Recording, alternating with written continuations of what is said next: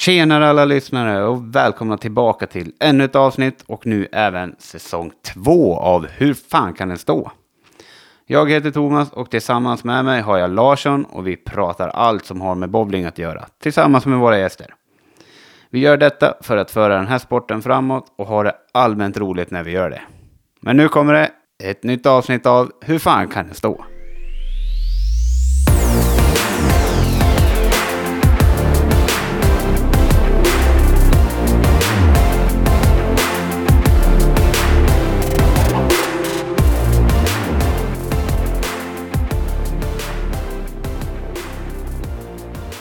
Tjenare Larsson! Tjena Thomas! Välkommen tillbaka. Nu har vi haft ett uppehåll igen. Ja, men nu har vi haft lite, lite semester, eller vad det nu var för något. Ja, kan inte, det, det blev nästan semester, men vi har brainstormat och försökt jaga gäster och lite sånt i två veckor nu. Så jag har hört att våra lyssnare äh, väntar liksom febrilt på ett, ett nytt avsnitt. Ja, men det är kul att de eh, saknar oss. Ja. Just, då, då kanske de inte blir så nöjda med dagens nyhet. Nej, vill du, vill du ta den jag- smällen eller ska jag? Ja, ja. Nej, ta den du. Jaha, ja jäklar, jag trodde du skulle ta den där. Eh, nej men som sagt, vi har planerat och brainstormat och eh, kommit fram till att eh, just nu så har vi slut på idéer och eh, vi eh, orkar inte riktigt jaga alla våra gäster som vi, vi vill ha med för dels så händer det inte så mycket i bowlingvärlden just nu, i alla fall inte här i Sverige, men eh, det spelas tävlingar i USA fortfarande och eh, ja, vi har tagit det, nuddat på det temat ganska mycket. Så vi känner att eh, det här blir slutet på säsong två, så kommer vi ladda om våra batterier och köra vidare framöver istället. Ja, ny, ny säsong till hösten. Eh, kanske lite annat, eller ja, med, hoppas pandemin är över så att vi kan köra lite mer ansikte mot ansikte och åka, åka runt lite och träffa, träffa folk och intervjua dem istället för att bara köra i molnet eller digitalt eller vad vi ska kalla det. Ja, precis. Och det, det kommer ju bli så mycket roligare. Och eh, det är ju det vi var meningen från början med, med det här.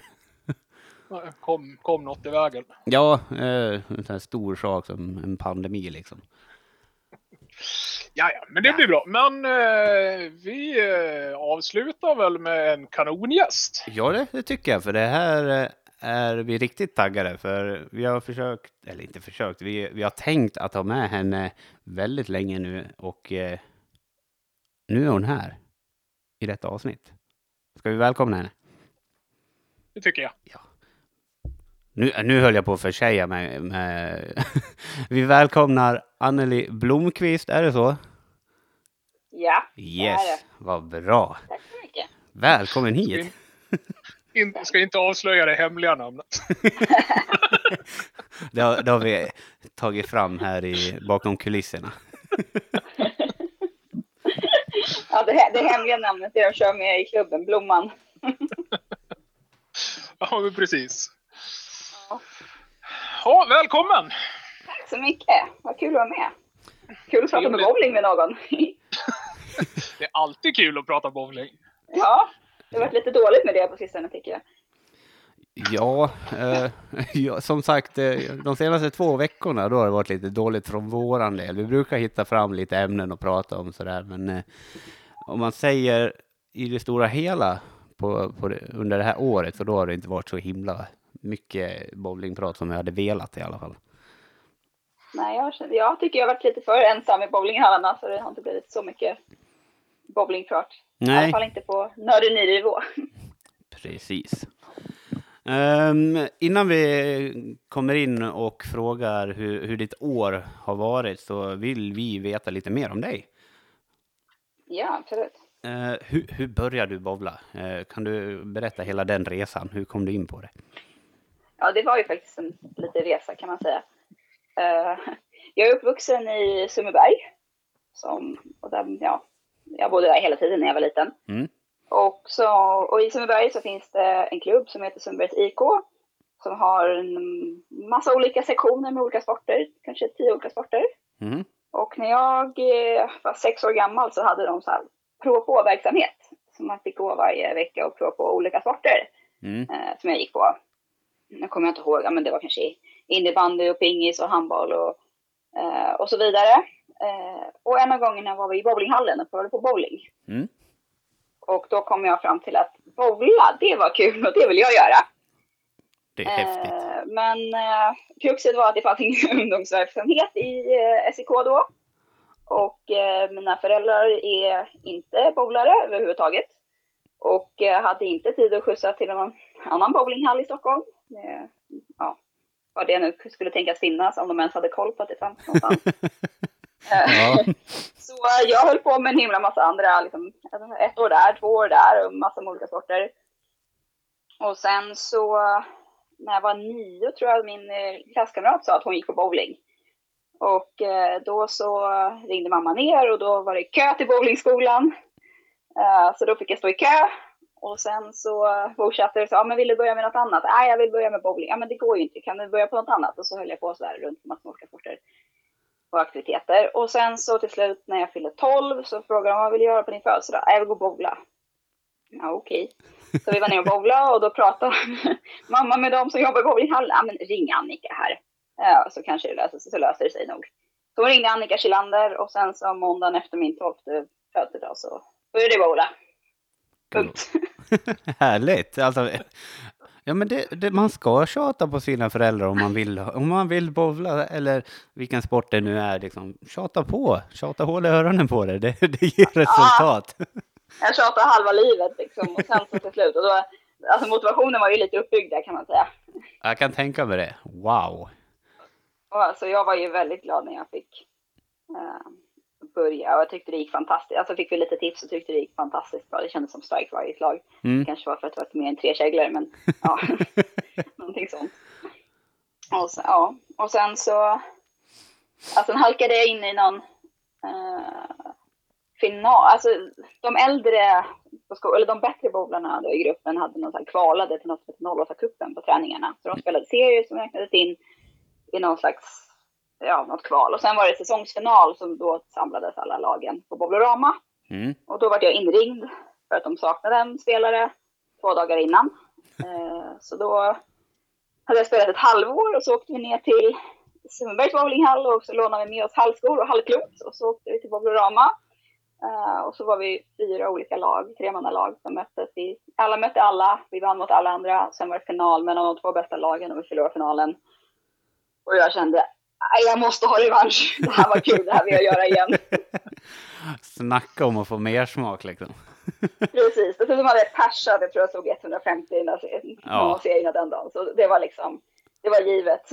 Bowling nummer ett. Såklart. Det, det går inte att säga så mycket. Man är ju fast på kroken då. Ännu mer Ja. än vad du redan var liksom. Så det Wow. var, Men är du... så har det bara varit bowling för hela slanten. Ja. Ja, nej men förlåt, vad sa du? Nej, det var sen har det varit bowling för hela slanten i princip. Wow, alltså Det... det, i alla fall. är det liksom så fort du slutade skolan så åkte du till bowlinghallen? Nej, det var väl inte alla dagar så, utan jag höll ju fortfarande på med andra grejer också. Eh, jag vet att i gymnasiet så, men jag kanske bowlade tre, fyra dagar i veckan. Eh, och sen så spelade jag badminton ett par dagar i veckan. Och sen spelade jag klarinett också. Se där. Jag, ja, jag gjorde mycket på en gång där. Och Ja. pluggade en massa. Ja, för eh, nu hoppar vi fram lite här i tiden, för jag vet att eh, du har ju fullspäckat schema alltså, precis innan pandemin, eh, den säsongen, eller liksom så. Du gjorde väl typ allt möjligt då också, men en stor del var ju en stor satsning på bowling, eller hur? Eh, säsongen innan pandemin. Ja, eller ja, fler, ja, flera år som ledde fram till säsongen, om man säger så. Uh, vänta, förra...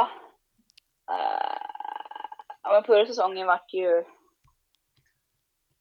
Alltså jag kommer knappt ihåg vad jag höll på med innan pandemin.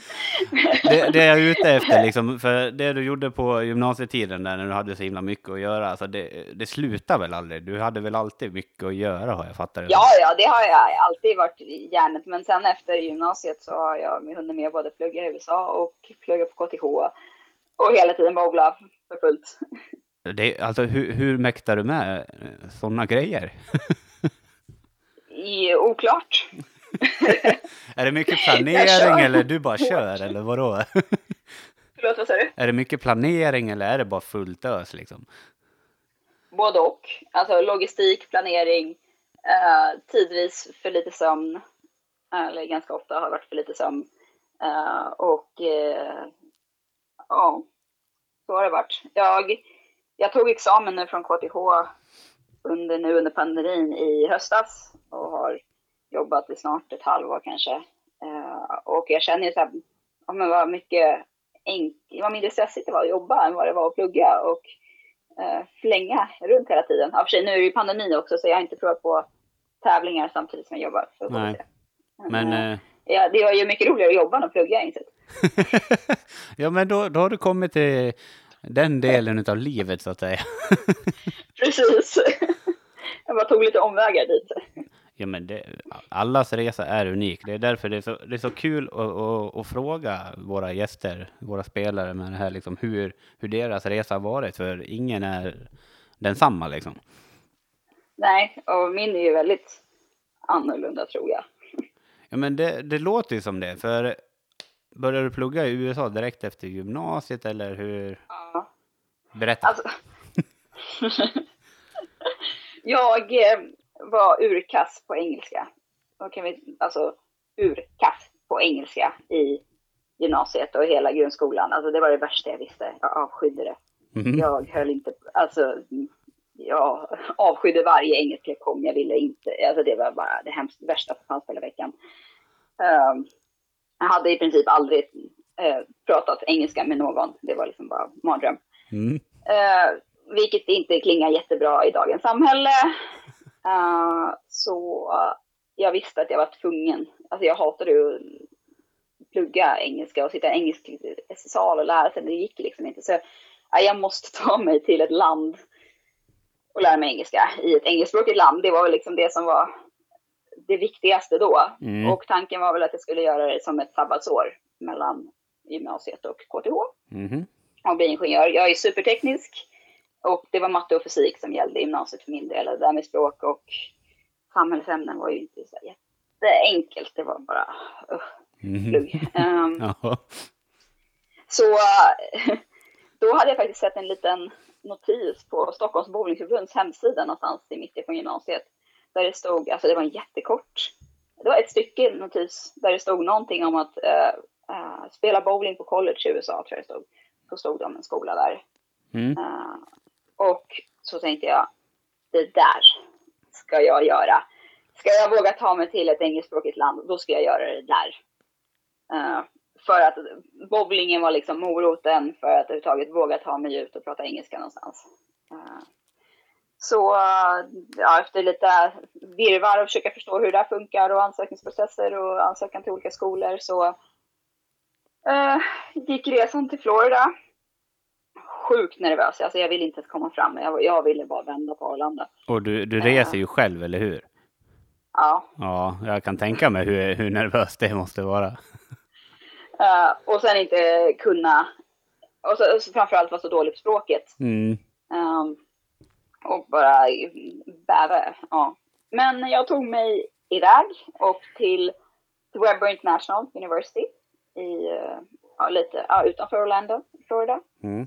Tanken var att jag skulle vara där ett år och liksom ha ett sabbatsår, få liksom lite, eh, ja men få lära mig engelska, göra något annorlunda och sen komma hem igen. För det var en, det var en businessskola, jag hade inte tänkt välja business. Men jag valde den som hade liksom, de tränade på Kegel, Kegel Training Center, där de gör alla oljemaskiner. Ja, Eh, smart val. med Trädens centrum. Så jag bara, nej men jag väljer den bästa bowlingen. Det är ändå liksom, jag ska ju bara lära mig engelska ett år. eh.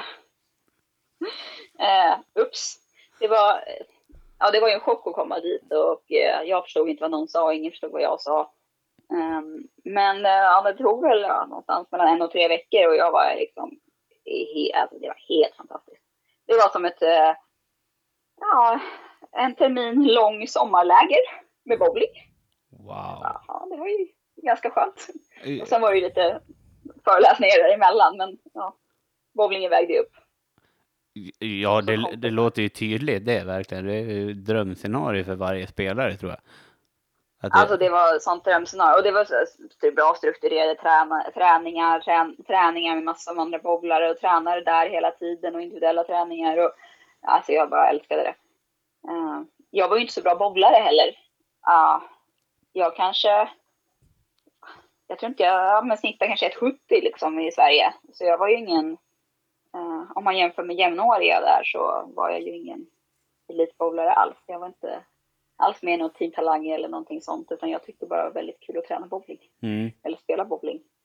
Uh, och det hade väl inte gått så mycket framåt. Uh, så då får man med träningshjälp och liksom det var ju ja men kanon. ett år blev till två. Två var till tre. Och sen var det så här, äh, men nu får jag göra klart det här så jag får den här examen. Men jag skulle ju börja på KTH. Jag skulle bli ingenjör. så det var fyra år i Florida. Mycket bättre engelska, vilket jag är oerhört tacksam för. Uh, det hade varit väldigt jobbigt att både gå igenom KTH och livet utan engelskan. Mm. Uh, så det var helt klart värt ett par år att lära sig engelska, var helt klart värt ett par år att lära sig bowling. Uh, vägen till ingenjör var lite lång. Uh, sen kom jag hem och började om och pluggade till civilingenjör. Uh, jag hade nog inte tagit mig igenom med de där allkurslitteratur på engelska om jag inte hade varit i USA innan. Jag och sen så kom jag äntligen ut på andra sidan under 2020 och färdig. Wow, vilken resa! vilken ja. jäkla resa! ja, från att vara så, alltså jag var extremt blyg som liten. Mm. Jätteblyg. Um, det var kanske därför som jag tyckte om bowlingen. Så det, var, det var tekniskt, jag var ganska oatletisk också så att jag kunde stå på min bana och liksom slå när det var min tur. Jag behövde inte kanske prata med så himla många och sådär utan det var liksom, ja. Nej men det, det är ju det som är bowling, alltså bowlingen är ju unik för varje spelare också liksom. Det, som vi har sagt, alla börjar ju olika och många tycker liksom att ja, men bowling är så här för mig och, och så utvecklas det bara där och till slut så har man blivit väldigt duktig så som du har blivit. Mm. Men hur... Det har varit mycket träning också. Ja, ja, ja, ja. men det, det, det kommer vi alltid fram till eh, i, när vi har våra gäster. Liksom, att alla våra gäster som har blivit så pass bra som de har blivit, alltså det, det tar ju så mycket kraft och energi och tid och uppoffringar mm. till att bli så pass bra som eh, de har blivit. Mm.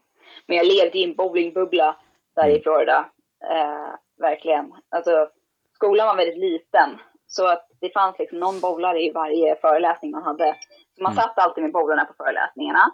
Man delade rum och bodde tillsammans med bowlare. Man hängde med bowlare på kvällen. Man tränade med bowling, bowlare på eftermiddagen. Eh, det här var mitt ute i apelsinodlingarna. Eh, så det fanns inte jättemycket att göra. Det fanns skolan och det fanns eh, bowlinghallen och sen fanns det väl typ en sol utanför en pool på campus. Ja. Eh, så det var liksom, ja men det är lördag, vad ska jag göra? Ja, jag åker och tränar. Alltså det, för, för, en bowlare att leva i en sån bubbla, alltså det, det, är inte många bowlare som har gjort det i sitt liv tror jag. Nej, och det var verkligen en sån bubbla. Alltså, om nyheter, det var så här, nej vad är det för någonting? Jag kollade inte på tv, jag följde ingenting. Det kunde vara så att föräldrarna hörde hemma, ja det är storm i Florida. Jaha, är det? det stod i svenska nyheterna som de såg. Då, då är man i en bubbla alltså. Det, då, det går ju inte att spricka, spräcka bubblan heller om det ändå är storm ute liksom. ja, men det var ju stormar där hela tiden. Det var inte så att nej, liksom, den här större, eller den kanske inte exakt var där i Florida där vi var. Liksom. brydde vi inte vi oss om. Nej. Så lyssna så noga på det. Ja. Florida är väl hyfsat stort va? Ja, det är ju det. Mm. Precis. Ja. Men, men du fick aldrig hemlängtan någonting eller var du så inne och hade roligt som du verkar ha haft liksom? Ja, så var det. Det var så att jag ville inte åka hem när första året skulle ta slut så bokade jag om flygbiljetten för att kunna hänga kvar där i tre veckor till innan jag åkte hem för sommaren.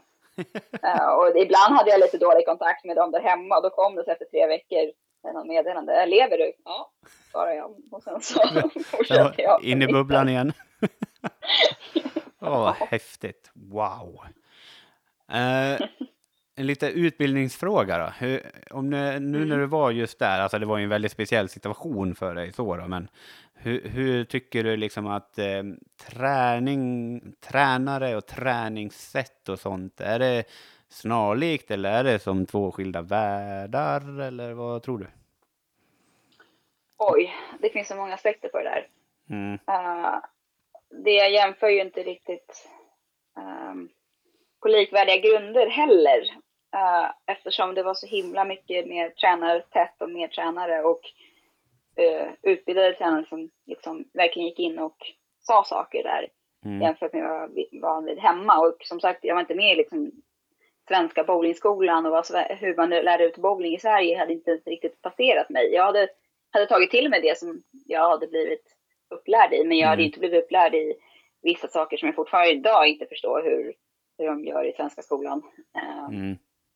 Så jag lärde mig ju egentligen från grunden amerikanska skolan bowling. Mm. Uh, om man pratar om teknikmässigt eller hur man, hur man pratar om banan och klot och sådär. Mm. Uh, sen så finns det ju olika sätt att där var man ju, ja, så där var man bara in, liksom, i bubblan i himlen. Där var det liksom perfekt det sättet som de lärde ut på. Uh, sen i efterhand kan jag väl liksom konstatera att ah, men, de missade vissa aspekter, de missade det här och de missade det här och det här kanske de hade kunnat göra annorlunda. Mm. Uh, men på stora hela lärde jag mig väldigt mycket och utvecklats väldigt mycket på de här åren som odlare. Men sen har jag fortsatt utvecklats här hemma också. Uh, men mycket har jag ju liksom tagit med mig baskunskapen jag lärde mig i Florida uh, och använt den när jag själv tränar här hemma. Så jag mycket på min egen tränare. Så jag kan inte riktigt göra en fair jämförelse. Nej. Ja, nu hör du när det kommer svengelskan. Ja.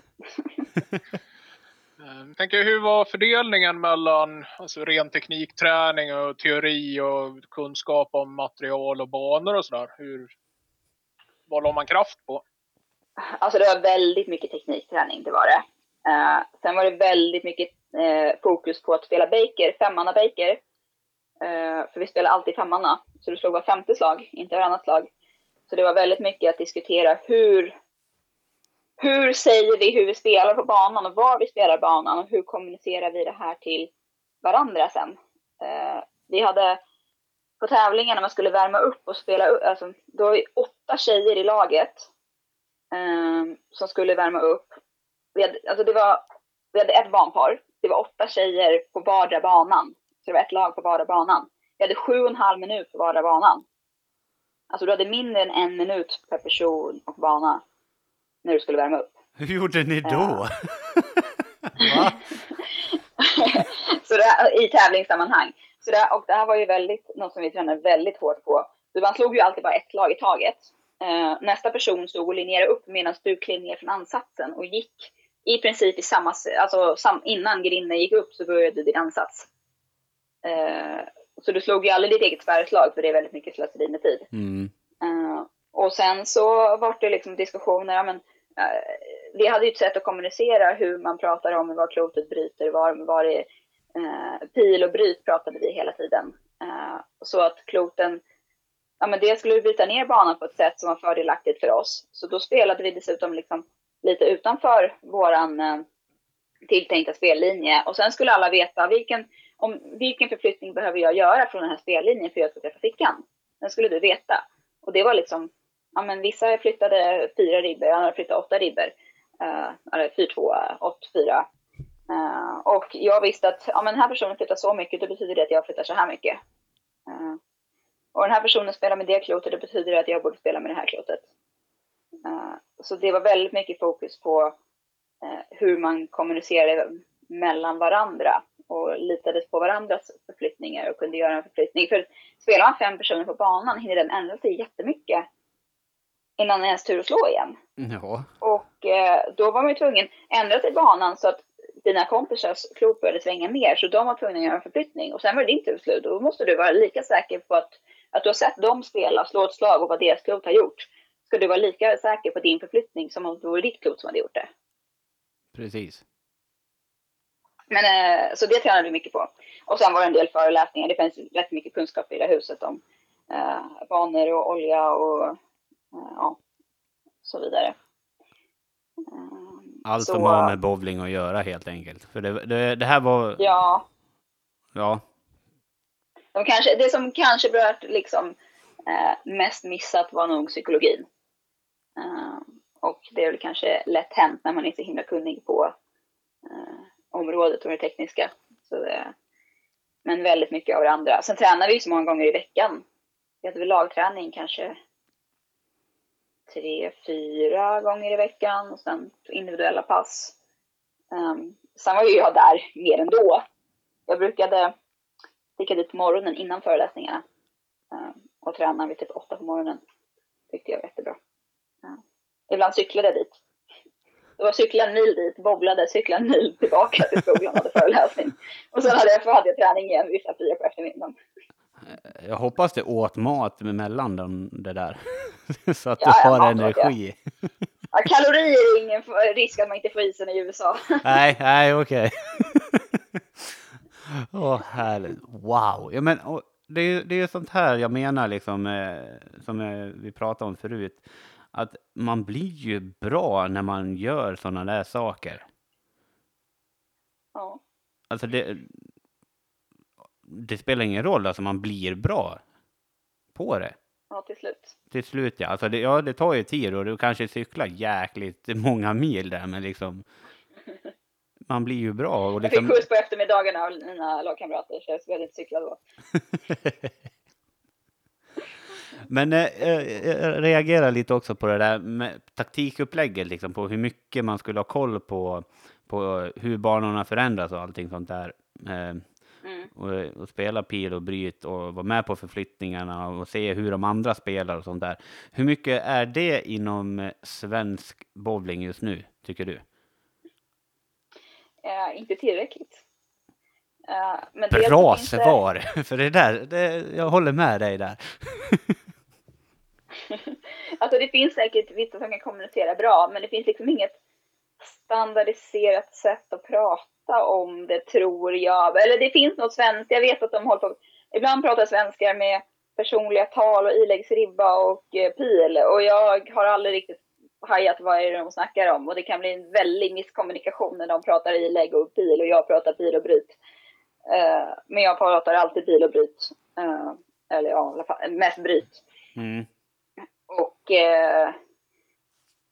Alltså det skulle verkligen, nu vet jag inte, det kanske är bättre på killsidan, i alla fall på elitnivå, men även tjejsidan, alltså på, pratar jag i damernas elitserie skulle, alltså vi pratar ju inom laget, men alla pratar på sitt sätt. Mm. Uh, där var vi ju drillade i att prata likadant. Ja. Uh, vilket man inte riktigt, jag kan ju inte vränga runt mina lagkamrater och prata som jag gör, utan jag får ju försöka förstå vad de säger. Mm. Och alltså, jag vet att jag hade jättesvårt med svenska jargongen när jag kom hem och folk började prata om att släppkant. Jag höll på att skratta ihjäl mig. Vad sjutton är släppkant? Eller att trycka bollen. Vadå trycka bollen? Uh, alltså jag var inte skolad i svenska termer. Vad, vad betyder det här för någonting? Ja, men kan, kan inte du förklara det? För du, jag, jag, du har väl lärt dig det nu, vad det betyder, hoppas jag? uh, ja, det, det, det, det, tror jag i alla fall. Um, Hur uppfattar du att det är? Släppkant är ju helt, helt enkelt att ja men bollen kommer inte, du har inte, i USA skulle man säga man har free hook när bollen kommer tillbaka liksom alla lägen, det är bara att kasta ut den så kommer den tillbaka. Mm. Släppkant är ju när alltså kanten inte spelar och missar ut så kommer bollen inte hem och det ja, men beror ju antingen på någon topografi eller på någon friktion eller vilken oljeprofil eller vilken årstid det är så är det släppkant. Mm. Uh, och, uh, och trycka bollen har jag förstått det som att ja, men det är att du står kvar på kanten och bara spelar hårdare. Mm. Eller på kanten eller pil två eller något sånt. Japp. Ja. Fr från där man är i alla fall. Ja, lite intressanta termer som inte jag hade koll på. jag, vet, jag vet faktiskt inte om jag har hört släppkant i något sammanhang heller. det är säkert dialektalt också. Det här. Alltså, jag, men alltså, jag, jag, jag, jag, hängde ju med på typ, typ vad det skulle betyda när jag hörde det, men att, jag tror aldrig jag har hört det. Nej, alltså nej. nej. Jag har faktiskt, jag, jag, jo jag kanske har hört det någon gång, men alltså det är inte inom vårat lag och sådana där saker, utan, eller här uppe i Dalarna där vi är. Men eh, jag har ju, jag har ju, nu, jag misstänkte ju precis som du Larsson vad det var. Men, eh, och jag har ju upplevt det liksom, men det, ja, det, det kanske är dialektalt, jag vet inte. Mycket möjligt. Men det är återigen, vi har, det visar ju bara att vi inte har ett standardiserat sätt att prata bowling på i Sverige. Nej, det, det tror jag inte det finns. Så man får liksom anpassa sig lite grann och tro och gissa vad folk menar. Något, en, en annan term som är vad som är starkt och vad som är svagt klot. Mm. Uh, jag var ju tvungen till slut att sätta mig men vad menar ni med ett starkt klot? Och skriva ner, okej, okay, de här typ de här tre parametrarna kan betyda ett starkt klot. Eller snarare, om den här parametern är åt det här hållet versus det här hållet så betyder det att det är starkare. um, för folk kan stå och peka på olika klot och säga att de är starka och man bara, mm. mm. uh, så, och det är också så här, ja, det är kanske inte bästa termen, men det finns så många, ja, det finns många termer som är lite uh, oklara. Men tillbaks till att prata om banan och kommunicera så tror jag absolut, och det spelsättet som vi har när vi håller på och byter i matchspel framför allt och spelar i lag som inte är jättevanligt. Det är ju college i Sverige typ som spelar lag. Mm. Uh, så absolut, vi försöker ju inom liksom, uh, klubben i BK Eva när vi har matcher och kommunicera. Uh, men fortfarande är det ju någonting man skulle kunna träna mycket mer på. Och när man byter mellan banparen, hur upplevde du höger vänster bana mot varandra? och hur har ni spelat de här eh, ja, sådana saker. Och även när man kollar på varandra och ger varandra råd. Hur, det är lättare att se någon annans reaktion än sin egen och hur man kommunicerar det till någon annan. Mm. Och det, det, enligt mig så finns det här alldeles för lite i svensk bowling. Över, mm. Överlag. Alltså det, ja, det är ju som eh, du sa tidigare, det är väl liksom uppe i eliten, både på dam och herrsidan, som det har implementerats mer. Men eh, om man mm. säger allsvenskan, division, ja all, allsvenskan också då kanske, men division 1 mm. och 2 där skulle jag kunna tycka att det borde implementeras lite mer, bara för att höja nivån om vad sporten bowling är, för det handlar ju såklart bara om att slå iväg klotet och få ner käglorna, men det är ju så mycket mer i modern bowling. Ja, verkligen.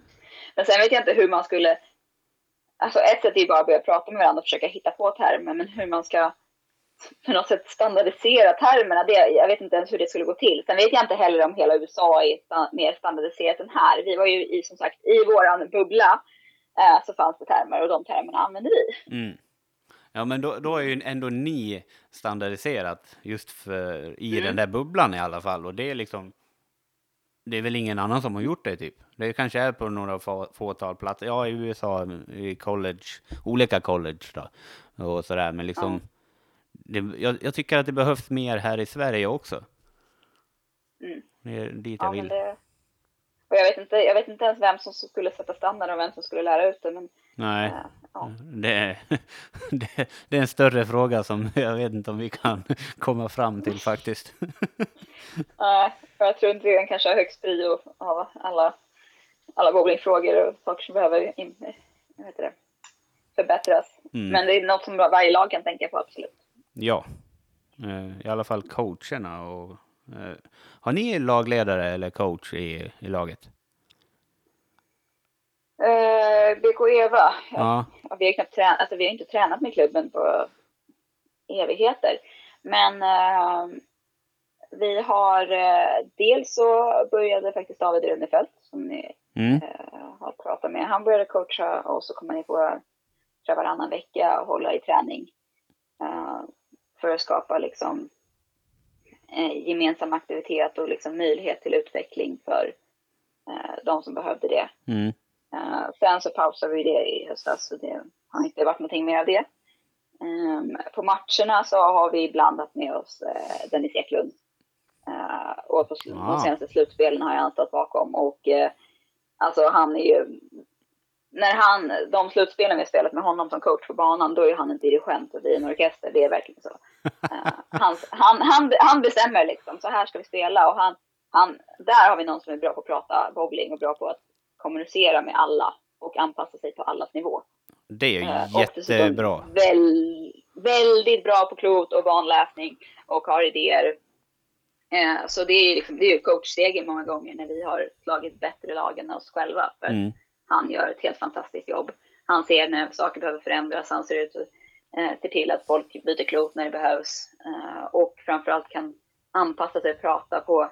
Han kan köra det nördiga med mig liksom, så jag förstår vad han säger. För jag förstår inte vad någon som inte pratar det språket säger.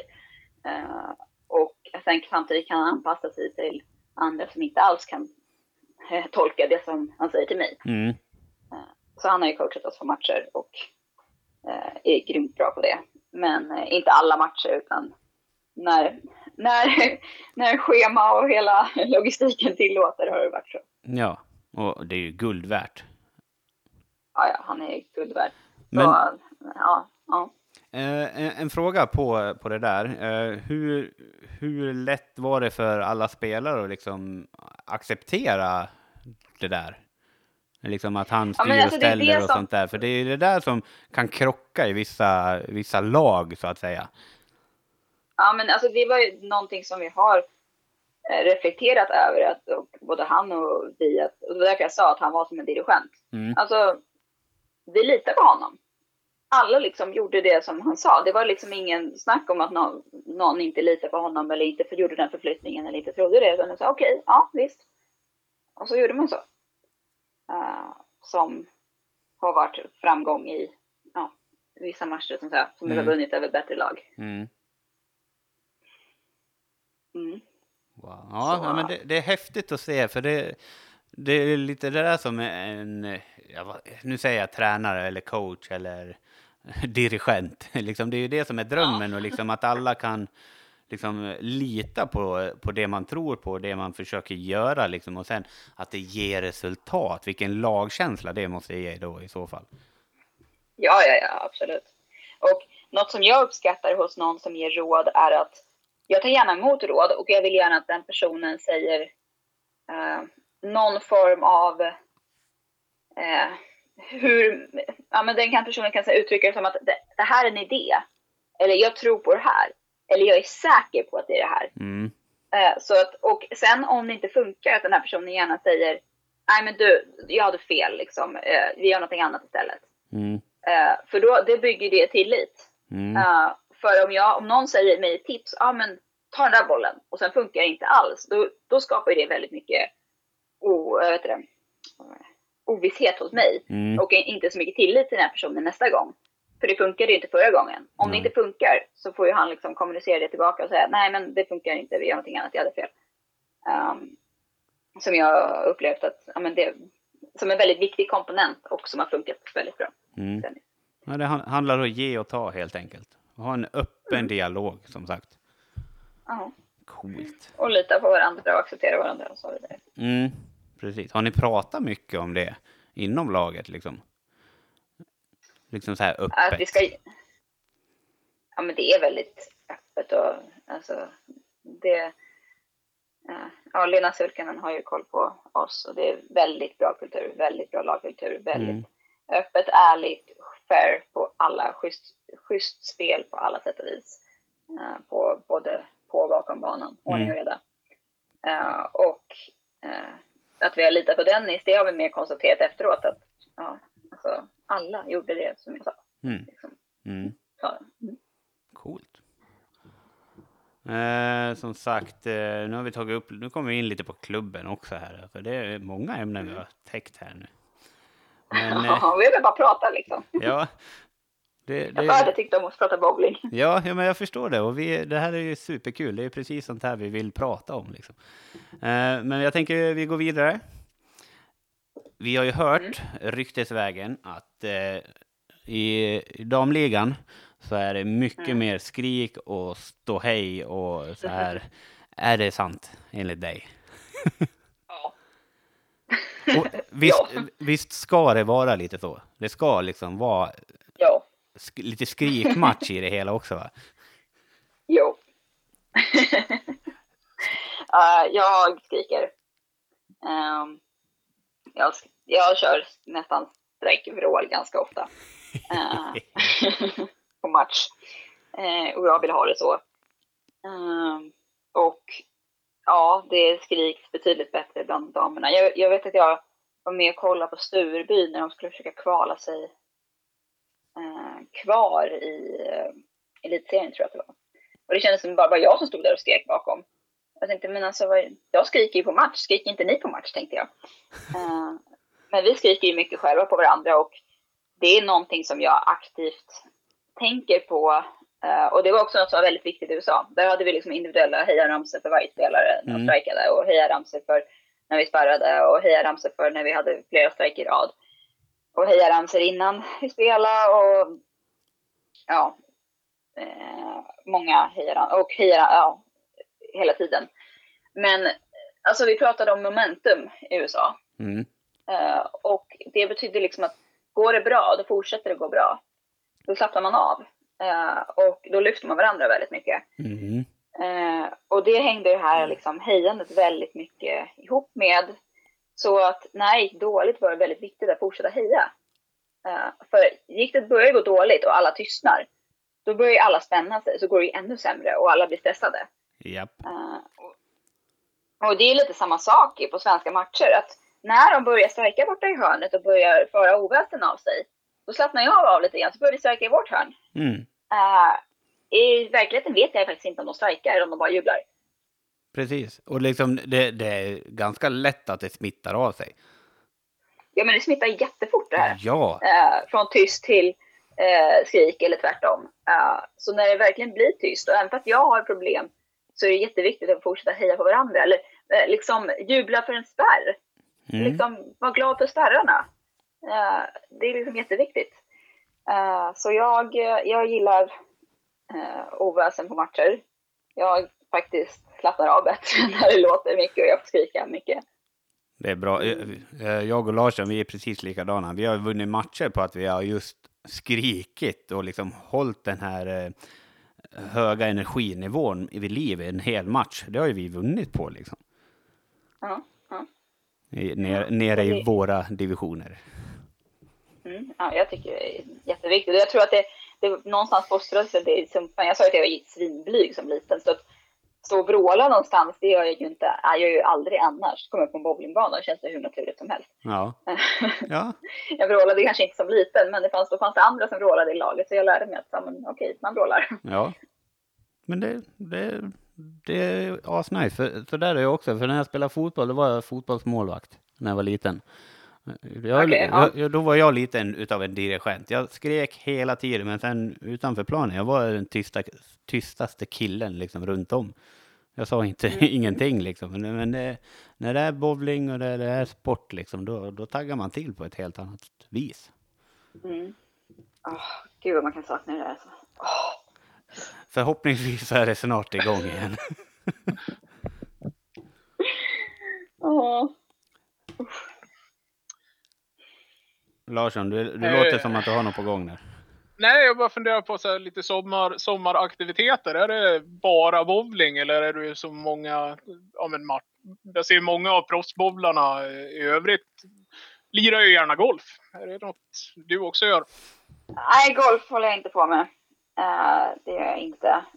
Um, många somrar har jag väl stått i bowlinghallen och tränat.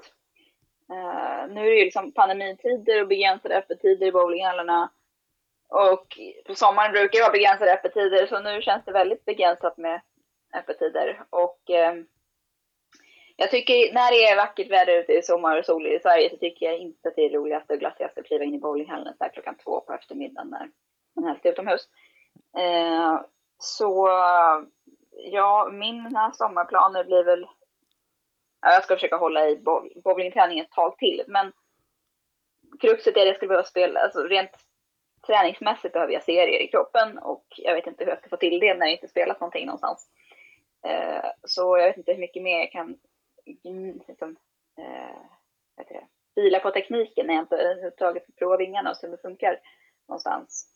Så uh, mina sommarplaner blir något, rent träningsmässigt tror jag att det kommer vara mera konditionsfokus faktiskt i sommar. Mm. Uh, löpning, kondition. Uh, och sen så tar, blir det lite ledighet från jobb och le, äh, jag ska ta lite bowlinguppehåll helt och hållet. jag har börjat med det de senaste typ två åren, att faktiskt ta lite break på sommaren. I några veckor sådär. Eh, eller en månad. Och eh, eh, då blir jag ute i Stockholms skärgård. Och så gillar jag äh, åka båt, jag gillar att segla, ha en liten, en liten segeljolle, en laser som jag går och leker med. Oh, trevligt. Mm. Ja.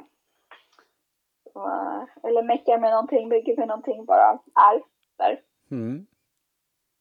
Så det, det är inte, ingen golf inplanerat. Uh, och en ganska enkel sommar på så sätt. Mm. Och sen får jag kanske, jo jag körde lite, jag körde lite luftbowling, eh, träning, teknikträning, alltså med liksom eh, boll och sten och gummiband och så vidare förra sommaren. Eh, och la om en del teknik på det sättet. Intressant. På, mm -hmm, på verandan på utomhuslandet. Eller högst uppe på någon klippa ute i, i skärgården körde jag också. Ja. ja. Uh, och uh, det gav faktiskt ganska mycket resultat. Det hade liksom, gjort förändringar i tekniken när jag kom tillbaka. Wow, häftigt. Tyvärr har jag faktiskt inte ens någon teknik. Jag har tränat så mycket teknik det senaste året för att det är liksom det som har gått. Mm. Jag har inte ens någon sån grej, åh det här skulle jag vilja ändra på. Utan, så, jag vet inte. ja. Ja, men då, då, då, låter det som att du har en väldigt bra plan eh, ändå. Den är inte finslipad ändå, men den har en slags grundplan som mm. börjar mm. formas i alla fall. Det känns lite tungt nu liksom. Ja, men det är maj och ja, bowlinghallarna börjar väl inte öppna eftersom man för augusti. Det är lite väl långt uppehåll tycker jag. Mm. Uh. Ja, jag förstår. Det mm. spritter i bowlingfingrarna tror jag. Ja, det har varit lite långhelg nu också och då har bowlinghallen stängt så jag har inte bowlat nu på sex dagar. Så det, det är lite så här... Uh. ja, jag förstår det. Oj, oj, oj. Med, med tanke på någon som tycker att bowling är så pass roligt som du är så då är det, det här måste ju vara ett helvete ja. åt dig. det känns väldigt konstigt.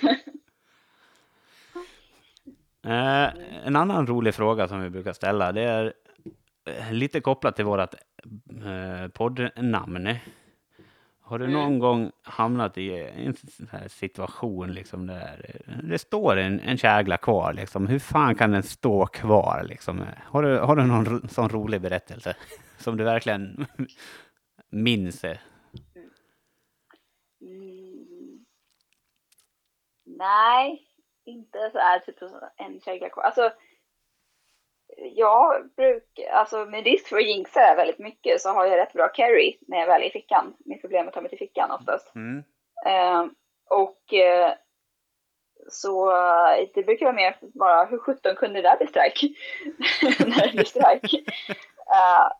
och ibland så, jag vet att andra kan reagera så här, men shit, åh oh, fan vilket bra slag och så stod tian och jag i själva verket, ja, men jag kände ju det liksom, jag kände att jag var i lite obalans. Jag kände i släppet att det kom, alltså, kändes inte riktigt rätt. Jag såg att jag kom lite runt bollen, jag såg att jag missade lite sådär. Så att för mig känns det liksom, eller jag ser att när den rull, hur, på den, hur den rullar, liksom att nej men det där kommer inte bli en strike, har tur blir det strike. Mm. Um, och så står det liksom, står tian kvar. Uh, så oftast tycker jag att jag kan hitta en anledning till att den står. Och är det så att jag har rullat iväg vad jag tyckte var kändes helt optimalt slag och det fortfarande står någon kägla kvar, då har jag ju inte riktigt löst banan. Då har jag inte mm. den bästa idén om hur, hur, hur ska jag behandla den här hallen, den här banan, de här käglorna, den här profilen för att jag ska få liksom, med mig käglorna i så många fall som möjligt. Mm det kanske är att jag ska träffa tunt. Det kanske är att jag ska vara med, ligga mer sida på bollen för att jag ska få med mig käglorna. Mm. Uh, så uh, då får man ju liksom gå tillbaka och leta i, uh, leta i det, liksom vad man behöver göra för att man ska få både marginalen i banan och träffa fickan, men också att fickan ska bli så stor som möjligt. Att du inte måste vara liksom precis i fickan för att det ska bli strike. Utan ibland är det liksom, ja, det är sällan kanske höga träffar, men ibland kan du ha ett bra häng att spela på. Mm. Uh, eller så är tunna träffar väldigt bra. Hit them spin and watch them spin. Vet yep. det vår coach Ja, men det är ett ganska känt uttryck. mm. Det är sant. Eh, ja, men det, alltså det här låter lite mer som när vi hade Osku Palermo Ja, jag tänkte, jag tänkte, tänkte också det. Det är Osky 2.0. Ja, det, är lite, det, det finns alltid en för, förklaring till varför en kägla står. Eller flera. Ja, och även fast man kanske inte ens kan uttrycka den exakt i ord så kan jag se på klotet att nej, men den där är inte klockren. Alltså ibland så ser man att det, det är strike halvvägs ner för banan, så ser man att det där, det där blir strike. Mm. Och ibland ser man bara nej, det där blir inte strike och det kanske inte ens går att förklara. Men ofta, alltså, i mitt eget lag så kan jag ofta förklara min känsla i handen. Som, även om jag inte kan sätta ord på känslan så fanns det en annorlunda känsla. Mm. Nej, men det, det, det låter logiskt i, i mina öron. För liksom, man, man vet oftast ibland liksom att det, nej, det blir inte strike. Oftast ibland. Oftast ibland, ja. Jag, jag, jag, jag kan det här med svenska, känner jag. Nej, men liksom, eh, då, jag kommer på en till fråga där. Hur mycket kör du på känsla i ditt spel? Eller är du liksom eh, här matematiker? Jag ska stå där, jag ska stå där och sikta där och göra så. Men hur mycket sitter det? Du pratar så mycket om känslan i handen liksom. Är den jätteviktig för dig? Ja, det där är en stor konflikt inom mig. En stor, stor konflikt. alltså jag, jag är ju en matematiker. Jag vill ju, alltså tycker det är kul att nörda ner mig i sakta hur många ribbor jag ska flytta, hur mycket jag ska sikta och vilka vinklar. Och jag har räknat ut ja, hur mycket, eh, hur stor vinkelförändring blir det i uh, utskjuts, eller så här, i vinkeln som jag skjuter, eh, släpper iväg klotet om jag gör en förflyttning på en 2 1 eller eh, hur mycket vinkel blir det när jag ska spärra tian. Sånt har jag räknat på bara för att det är kul. Mm. och eh, samtidigt så kan jag ju nörda något fruktansvärt i tekniken och så här eh, tänka på olika tekniska detaljer. Men när det väl kommer till eh, eh, kritan och det är tävling, då vet jag att jag måste över i känsla. Det är Ja. inte förrän jag liksom spelar på vad som är känsla för mig då, då eh, men lite mer känsla och låter kroppen prestera självt och inte lägger mig i så jädra mycket. Eh, lättare sagt än gjort, kanske en av mina absolut svag, största svagheter. Um, men eh, när, jag låter, när jag slappnar av och låter kroppen jobba själv, och då blir det ju, har jag mycket bättre känsla i kroppen och då kan jag ju basera saker mer på, på känslan. Um, en annan sak som jag har upptäckt mer och mer är att eh, jag som pratade om att vi hade väldigt mycket strukturerade system i hur vi pratade om banan och hur vi, hur vi kollade, hur vi siktade eh, eh, och så vidare, hur vi spelade det. Och eh, jag stirrade mig liksom, jag ska träffa ribba 9. Mm, var liksom så. Vad jag kommit fram till är att om jag inte siktar så jävla noggrant så träffar jag mycket bättre. Så jag har i princip slutat att kolla över pilarna. som kanske är lite emot alla regler. Eh, jag kollar, eh, jag har en focal point eh, nere vid käglorna. Och sen har jag var jag vill bryta klotet någonstans. Eh, så vet jag vilken ribba jag står på. Eh, och sen kanske jag kan gissa ungefär vad det är vid bil. Men mitt, eh, mitt mentala fokus ligger nere vid bryt och eh, vid käglorna. Även om mina ögon rent fokusmässigt har fokus för pil så har jag inte en specifik pil eller ribba vid pil som jag kollar på för att då vill min kropp så jädra gärna vilja träffa den här pilen. Så den gör alla, allt möjligt för att tvinga klotet till den här pilen. Vilket mest resulterar i att jag missar. Eller så eh, träffar jag den här pilen. Men det viktigaste är egentligen inte att träffa pilen. Det viktigaste är att ha samma vinkel ut. Så om jag går en halv ribba snett då är det bättre att jag träffar en halv ribba snett och klotet åker iväg längs med hela banan en halv ribba snett. Eller en halv ribba parallellt förskjutet. Mm. Istället för att jag tvingar den här då till pilen exakt där jag vill ha den och vinkeln blir helt kajko. Och då kommer den vara jättefel borta vid bryt. Um, så det här är liksom, jag, eventuellt i framtiden kanske jag kan börja sikta igen med pil, men just nu så får jag låta bli. Och jag märker att ju, ju mindre jag siktar med pil, desto bättre blir slagen. För att då, det gäller att lita på kroppen och bara spela iväg klotet i den riktningen som kroppen håller ner upp det för. Men eh, det är en utmaning för mig som vill kontrollera allting och vill räkna ut allting och vill ha det perfekt. N- när kom du på det här?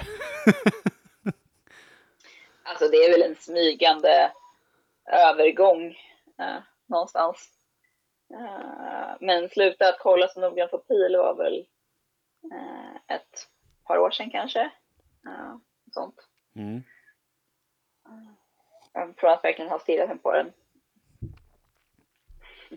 Ja, det blir ju annorlunda såklart. Eh, och, och, och tänka om sådär, men eh, ger det resultat så då, då får man ge fan i det liksom. Ja, alltså jag tror att det är en mental vrickning för att inte min kropp ska... Uh, jag är perfektionist.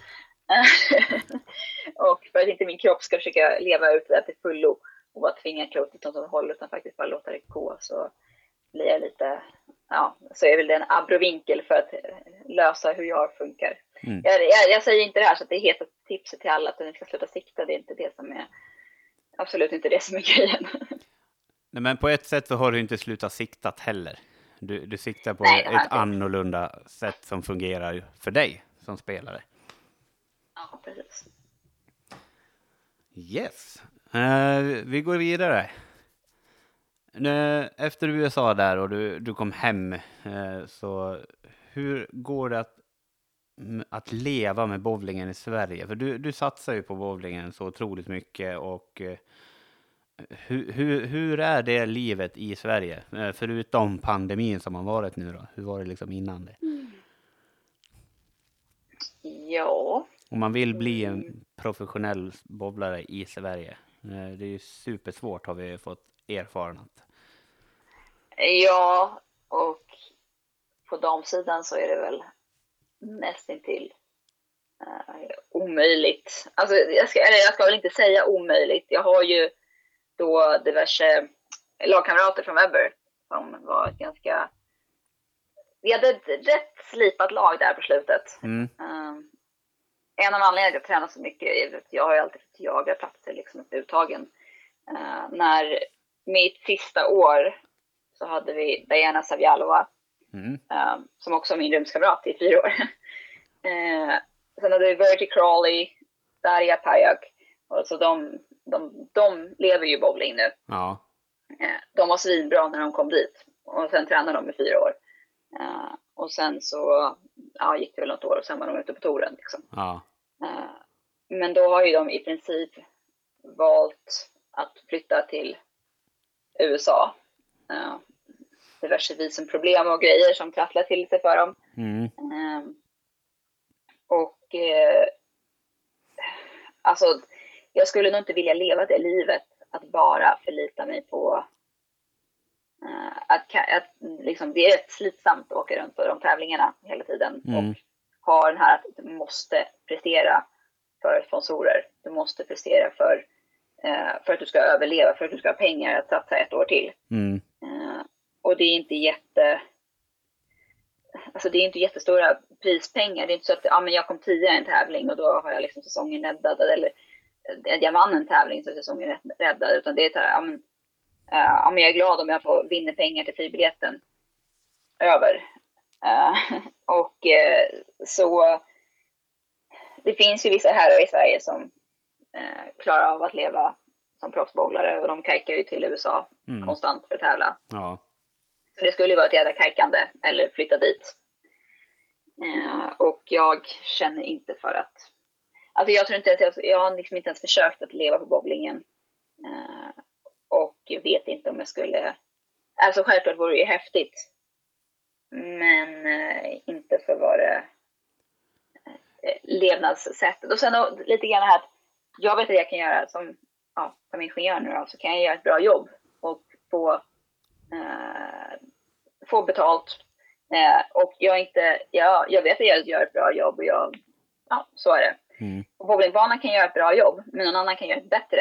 Vilket betyder att, uh, ja, sorry liksom, då fick jag inte betalt. Eller då, eller snarare att du är beroende av att okej, okay, nu gjorde någon annan ett dåligt jobb, men då gick det bra för mig. Mm. Så det är inte heller jätte... Självklart finns det ju konkurrens inom företag och Eh, så också, men det är inte riktigt lika påtagligt. Men det är i alla fall svårt. Jag vet inte ens hur man skulle gå tillväga. Alltså det är dit att tävla mera, få eh, försöka få sponsorer, eh, sponsringsavtal med. Lite av kruxet tror jag det finns inga, alla sponsorer inom bowlingvärlden är bowlingrelaterade företag. Mm. Ju så länge det är så så kommer det ju liksom inte in mer pengar. Det finns bara en klump pengar som liksom, uh, försöker skjutsas omkring. Uh, när det blir företag utifrån. Uh, eller så skulle det vara så himla mycket bowlare i världen att de köpte allting som de här bowlingmärkena stod på. Mm. Men så länge inte det finns så finns det ju inte riktigt den marknaden. så svårt. Något så och något som jag faktiskt kanske inte ens eftersträvar. Men det är ändå kul att åka dit och spela tävlingar. Ja, såklart, det måste det ju vara. Eftersom du åker ja. över. ja, det är ju. Sen så, något som är, ja men på damsidan också skulle det ju behövas, alltså jag åker till USA och spelar för jag gillar att spela mot damer. Mm. Uh, det finns tre, förhoppningsvis finns det fortfarande tre damtävlingar i Sverige. Uh, mm. Och sen finns det tävlingar i USA. steget däremellan är ganska stort. Ja. Jag vet inte ens riktigt hur stegen upp dit skulle se ut. Uh, hade jag varit snäppet bättre, liksom lik mina uh, lagkamrater som är riktiga stjärnor, som, men de har också tagit väldigt modiga beslut. Alltså stanna i USA, trassla med så mycket det som det innebär. Mm. Uh, och ge sig ut på touren och prestera där. Mm. Alltså det, det, det är inte jag vet bara... inte om jag svarar på er fråga, men... jo, nej men alltså det det, du tog upp många parametrar som inte har dykt upp när vi har ställt den här frågan till eh, många bowlare. Och eh, det är liksom... Det, en som börjar ta upp det lite mer om, om den här livsstilen som du tog upp. Eh, det var Kim Bolleby när han var iväg nu i vintras och, och bowlade en jäkla massa. Alltså han sov ju runt på luftmadrass. Han sov ju på någon soffa hos någon mm. kompis. Liksom. Alltså, det är ju inte det mest glamorösa livet eh, att hämta liksom. Nej, alltså jag har ju åkt runt med, jag åkte runt kanske fem veckor med Diana för, uh, ja det var nog säkert fem år sedan nu, tiden går fort. Uh, och sen åkte jag och Elisa Hiltunen från Finland, vi åkte runt Ja, det var väl innan, innan pandemin. Mm. Äh, något år. Eh, och det är så här, men man snittar två nätter på varje hotell. Och det är ju liksom så här, ja, det är kanske inte den absolut läskigaste, billigaste hotellen i USA. Eh, sådana som inte ens finns i Sverige typ. Mm. Eh, men man bor inte på något lyxhotell, utan det är liksom checka in och bara, ja vad luktar det här? Och så bara, mm, ja, jo men det här, mm. ja vi sov i alla fall här två nätter och sen så vidare. Eh, så det är ju inte direkt något, och sen massa, massa bilköra, massa logistik.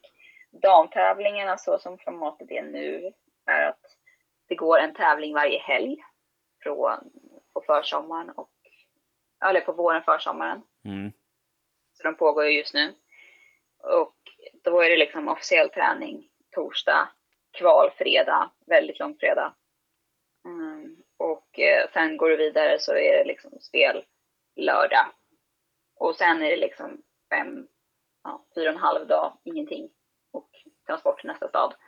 Uh, formatet är på det sättet för att de amerikanska tjejerna då, ja men då åker de hem och så jobbar de sitt jobb tre dagar.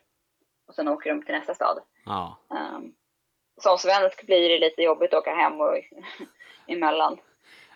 Ja, eh, du kommer hem, sen måste du åka igen. Precis. uh, så det, det, är lite komplicerat och Uh, den absolut bästa tävlingen som jag tycker spelar i USA är USBC Queen. Den som mm. pågår just nu. Mm. Den brukar allt som oftast krocka med slutspelet. Uh, ah. Vilket är väldigt... Ja, alltså de, de, det är helt fantastiskt hur de där två helgerna bara liksom dras till varandra. Uh, hur man än vrider och vänder på det så krockar de och så bara nej, det går inte att åka igen. Uh, den är lite, det är en major, en lite längre format för den mm. tävlingen. Mm. och och nu sitter hemma i Sverige och ser att de spelar tävlingar där och inte fått tävla på så länge. Det är så... Ah, det är bara jobbigt. Ja, alltså det, det förbättrar ju inte din situation. Om man Nej, säger så. Och sam- så. Ja, vad drygt. Men samtidigt så hade det inte varit liksom realistiskt att åka dit heller under de förutsättningarna. det är möjligt att kanske världen precis nu börjar öppna upp sig, men jag vet inte. Men alltså, det är mycket mer komplicerat att resa eh, och mycket mer eh, ja, men, och ris riskabelt. Men det, det, vad heter det, reseavrådan och det, hur, hur det blir med försäkringar och det, hur det blir med karantäner. Får man komma in? Covid-tester om man blir sjuk? Eh, alla de parametrarna just nu. Ja. Eh, ha alltid i åtanke. Försöka resa dit själv. Om jag inte hade någon resa med, men jag vet inte. Eh, och samtidigt, jag har, inte, jag har spelat 19 tävlingsserier på ett helt år. Den Ja. senaste var i oktober. Eh, det är lång tid Och då åka dit och ställa sig på de absolut tuffaste profilerna, för så här tuffa profiler spelar vi inte på här hemma. Nej. Eh, som är liksom, när man får, ibland bara får, alltså en dubbel, man får jaga det som 17. Det är liksom så här, okej, huh, jag fick en dubbel den här serien. Eh, och eh, det blir ju inte en schysst förberedelse ens för att sticka över i dagsläget. Men som sagt, när man ser dem stå och bowla så vill man ju bowla. Japp. Vem tror du vinner? Eh, eh, USBC Queens som spelas just nu. Oj, det vet jag inte. Det har jag inte... Vem hoppas du ska vinna då? Ja, men såklart. Någon av mina vänner såklart. Ja. ja, men man kanske, man måste fråga. Man vet aldrig. Det kan dyka upp så här wildcard eller någonting. Ja, jag vet inte. Diana har ju vunnit två gånger. Eh, Mm. Så... eh, ja, jag var ju där första gången i alla fall och vann. Eh, men... eh, så... Ja, vi får se. jag vet inte. Nej, det, du får följa det med spänning i alla fall. Ja, jag brukar inte följa, jag följer inte jätteslaviskt. I och med att de alltid spelar på nätterna så har inte jag riktigt tid att sitta uppe på nätterna och kolla på bowling. Nej, Eh, då tycker jag min egen, det är viktigare att eh, sova och, och jobba så jag kan träna själv sen. jag brukar inte följa jättemycket um, i allmänhet utan jag mm. följer vad mina kompisar gör. Ja, det låter bra det. Hade du något på gång Larsson? Nej, jag har bara försökt undvika att hicka. Jaså? Härligt. Tillräckligt bra uppgift. jag bara babblar på, jag har glömt bort frågan. Ja, men du, liksom. du, du har svarat på frågan. Så det, det är bara skönt att... Och lite till. Jajamän, Jag det, sa jag tyckte om att prata bowling. ja, det här är perfekt. Det, det blir fler avsnitt med dig, det kommer det absolut bli. Eh, vi går vidare, jag har lite, några frågor kvar eh, innan vi avslutar. Eh, har du nå- några sponsorer? N- några, de är inte så många till antalet. Jag hade en klotsponsor. Um, men uh, märket blev uppköpt och sen kom corona och sen, ja, sen kom coronan så det, det, det är dött. Eh, men jag har, så jag får, från Turbo Ja.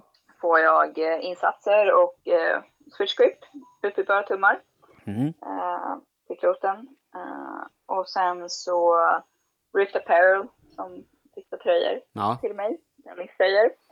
Som jag har två stycken som jag inte ens kommer ihåg när jag eh, beställde och jag har fortfarande inte fått tävla i dem. Åh, det, vi, vi påminner dig om din situation så himla mycket just nu så jag mår, jag mår, så- mår så dåligt över att fråga sådana här saker. Men eh, jag brukar ta, ta min mammas fotografier och skicka in dem och få dem på tröjorna. Eh, Ja, men det är ju bra motiv. Som jag tycker är lite, lite kul att få dem väldigt individuella på så sätt. Mm. Eh, så eh, ja, det är väl ungefär så det ser ut. Mm. Sen har väl Dennis hjälpt till och liksom, eh, borra och spöa lite grann. Ibland. Då. Härligt. Dennis Eklund då, i Högdalen. Mm. Är suverän. Honom får ni prata klot med någon gång. Han är kul att prata klot med. Ja, men det är bra. Bra tips. För då, då kan vi fördjupa oss ännu mer och bli ännu mer förvirrade ett tag innan vi har smält allting. Men jag sa ju att han är ganska bra på att anpassa sig till den han pratar med. Så Ja, ja men det är bra. Det är bra. vi, kan, kanske kan lägga det på en lagom nivå. Ja, det kan vara bra till en början med. Vi är, vi är väl lite mer insatta än eh, de runt omkring oss kan jag tänka mig. Men det, nu kanske jag sa för mycket, men jag vet inte. Eh, men eh, Ja, det, blir, det, det skulle vara ett roligt avsnitt i alla fall. Ja, jag tror Men eh, nu när vi kom in på lite klot och sånt där. När du förbereder dig inför en match eh, någon gång. hur, hur tänker Mm. du med, eh, med klotval och sånt där? Hur, vilka klot du kommer Du ta menar vad jag med? ska stoppa ner i väskan innan jag åker iväg till matchen? Ja, Okej. Eh, ja, det beror ju på dels profil och hall som eh, vi ska åka till. Eh, som jag anpassar väskan utifrån. mm. Och eh, känner jag inte till hallen eller liksom lyckas fråga någon om hallen, vad det är för någonting, så kanske jag går in och liksom söker upp hallen lite grann för att se var kan det tänkas ligga för laminat där och sådär. Mm. Hur gammal kan den tänkas vara? Försöka göra någon gissning på det. Mm. Och sen så komponerar jag ihop en väska och har jag med mig sex klot så eh, någonstans, jag tror det var Eki som sa för länge sedan, han sa, ja men ta två, ta två asymmetriska och två symmetriska, eh, liksom ett, ett mattare och ett blankare av båda två. Mm. Eh, som jag tyckte, sen spärrboll och sedan ett valfritt. Mm. Men tyckte var en hyfsad, ja, men en rätt okej tanke liksom att ha olika, eh, olika shape i väskan, olika klot. Mm. Eller ja, som beter sig olika. Eh, sen så är det inte alltid jag håller det och jag kanske, eh, jag är sällan jag tycker om att spela med blan- blanka klot och tycker inte att vi behöver det. Alltså i Sverige på samma sätt. Vi har så mycket olja och vi har så rena banor. Mm. Eh, och matcher för fyra serier är ingenting jämfört med vad som kan gå i, USA på, innan ommålning. Så det är Mm. sällan man kommer till riktigt blanka, så man måste ha mycket blanka klot. Eh, men uh, något, något asymmetriskt och sen så eh, ja, några symmetriska med lite olika. Men framförallt de ska vara... Vi hade ett, ett Team Sweden-läger här för ett par, eh, någon vecka sedan Mm. ett par veckor sedan. Eh, och eh, då, då hade jag inte varit i hallen. Nu, hade, nu var det liksom läger, men jag skulle ta med mig sex klot.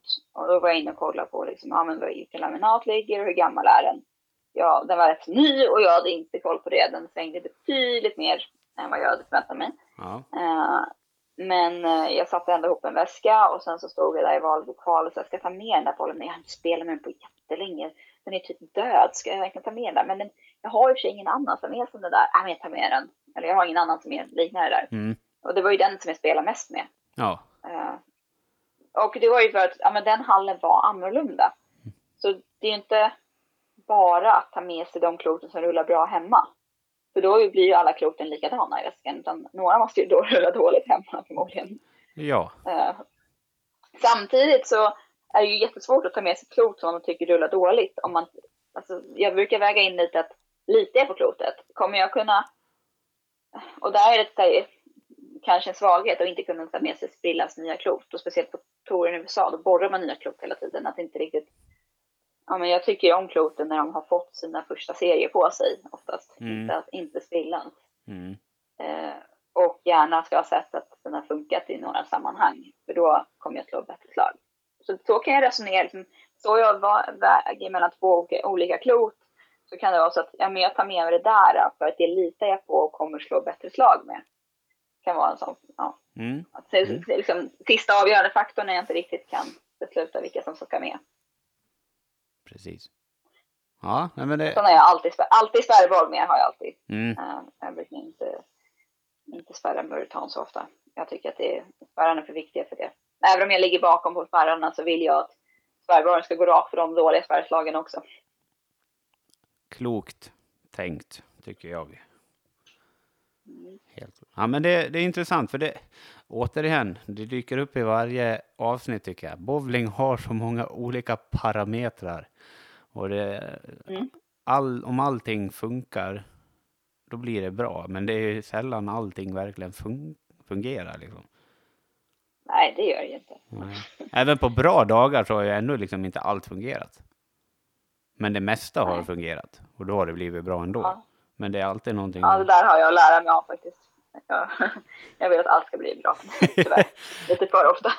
Ja, jag har varit inne i det kaninhålet själv och eh, rabblat, men jag försöker tilltala mig själv att allting behöver inte vara så bra. Allting behöver i alla fall inte vara perfekt. Nej, jag, precis. Det, det har du sagt åt mig många gånger, Larsson. Ja, det är som säger det. det. Jag kommer inte dit förrän jag har väldigt mycket press på mig. Mm. Behöver press och det har man sällan i början. Precis. Det kommer inte förrän man redan har presterat bra, då kommer pressen. Ja, precis. Yes, men eh, ja, jag tror det var allt jag hade, Larsson. Har du någonting du kommer på? Eh, nej, jag har väl lite en sån här, eh, eftersom det nu är sista avsnittet för säsongen så tänkte jag om eh, Anneli kanske har en önskegäst inom bowlingvärlden som du skulle vilja veta lite mer om. Som vi skulle kunna försöka jaga under sommaren. Uh, jag sa ju Dennis att ni skulle jaga honom. Uh, mm. Nu vet jag väl relativt mycket mer om honom, men han han har säkert massor med mycket mer saker som är intressanta att veta. Vi, vi kan luska fram uh, saker om han i avsnittet som du inte vet. uh, jag tänker också um,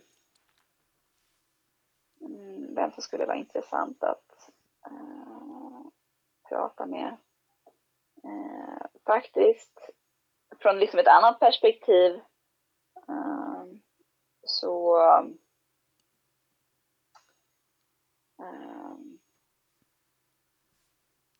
Ja, men jag var lite så inne på...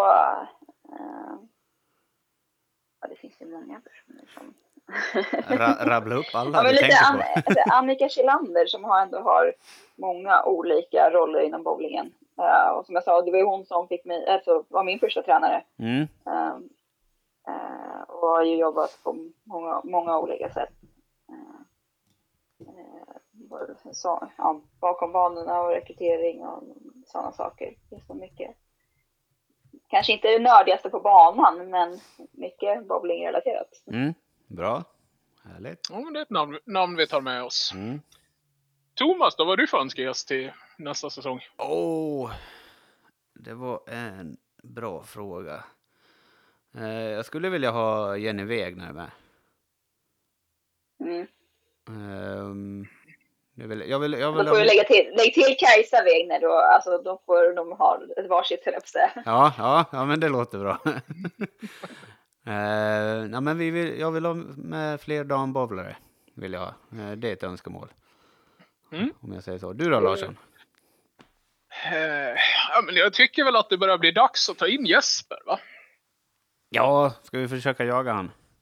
Om vi nu, om vi nu ska ta någon, någon önskeherre också. Mm. Absolut. Mm. Det låter bra. Eh, ni som lyssnar, ni får gärna skriva på vår Facebook-sida vilka ni önskar. Så har, har vi lite gäster att eh, jaga i fatt på där. Så, när, när skulle det bli dags? Förlåt. Ja, jag tänkte mest bara så att vi får, inte bara ligger, oss, ligger och latar oss hela sommaren. Lite krav på det, ja.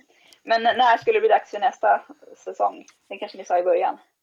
Eh, nej, det sa vi nog inte och jag vet inte som vi har diskuterat, eller det har vi ju inte ens diskuterat, men eh, någonstans runt eh, början av september kan jag tänka mig lite lagom att sätta igång. Förhoppningsvis är väl svenska bowlingvärlden i uppstartsfasen där någonstans då. Mm, det hoppas jag också. Så det, det, är väl det vi siktar, siktar på eh, i alla fall. Eh, eh, jag tänker lite den här uppstarten, eh, svenska uppstarten i bowling. Jag vet inte, eh, vad tror du? Kommer seriespelet gå igång eller kommer det vara lite små tävlingar i början bara som folk kan åka och spela? Eller vad tror du, Anneli? Jag tror att seriespelet kommer komma igång. kanske bland det första. Mm eh, små tävlingar. Ja, alltså, pratar vi Stockholmsmäster och V-touren så kommer de säkert igång. Mm. Eh, jag tror inte att, alltså, vad ska jag säga, privata tävlingar, eller privata, eller klubb, klubbdrivna tävlingar tror jag kommer ta, Europatouren tror jag kommer ta längre tid. Mm.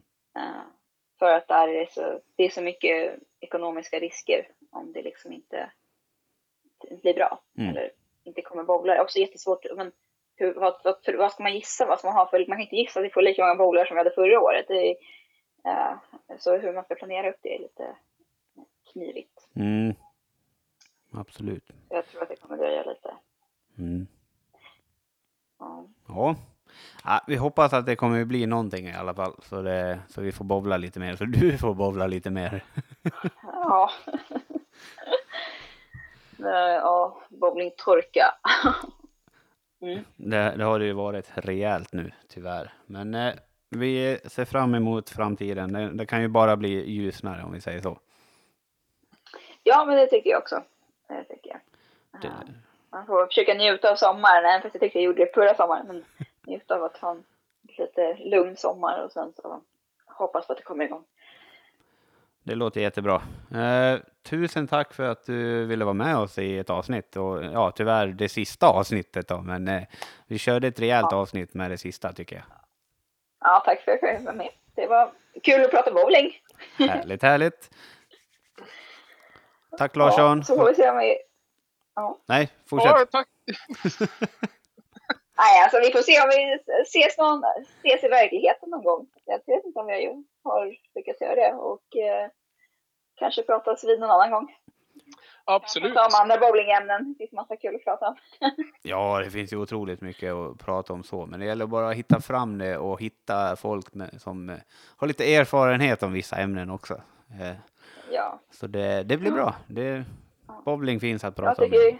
Ja, ska vi prata om bowling så kan jag prata om det. Jag tycker det är kul. Eller Det är bra. något som jag tycker är viktigt. Mm, bra. Det ska vi göra. Men eh, ja, ta, Larsson, tack för denna säsong då. Så får Ja, vi tack själv. höras vidare och sätta oss vid planeringsbordet lite mer. Sätta oss vid grillen med en kall dryck och planera lite. Ja, det låter bra. Det låter trevligt. Det låter som en bra plan. Yes. Men då så, då avslutar vi det här avsnittet och eh, vi får önska dig Anneli och alla våra lyssnare glad sommar. Ja, detsamma. Tack så mycket. Tack för idag. Tack för idag. Tack själv. Hej hej! Hej, hej. Hej.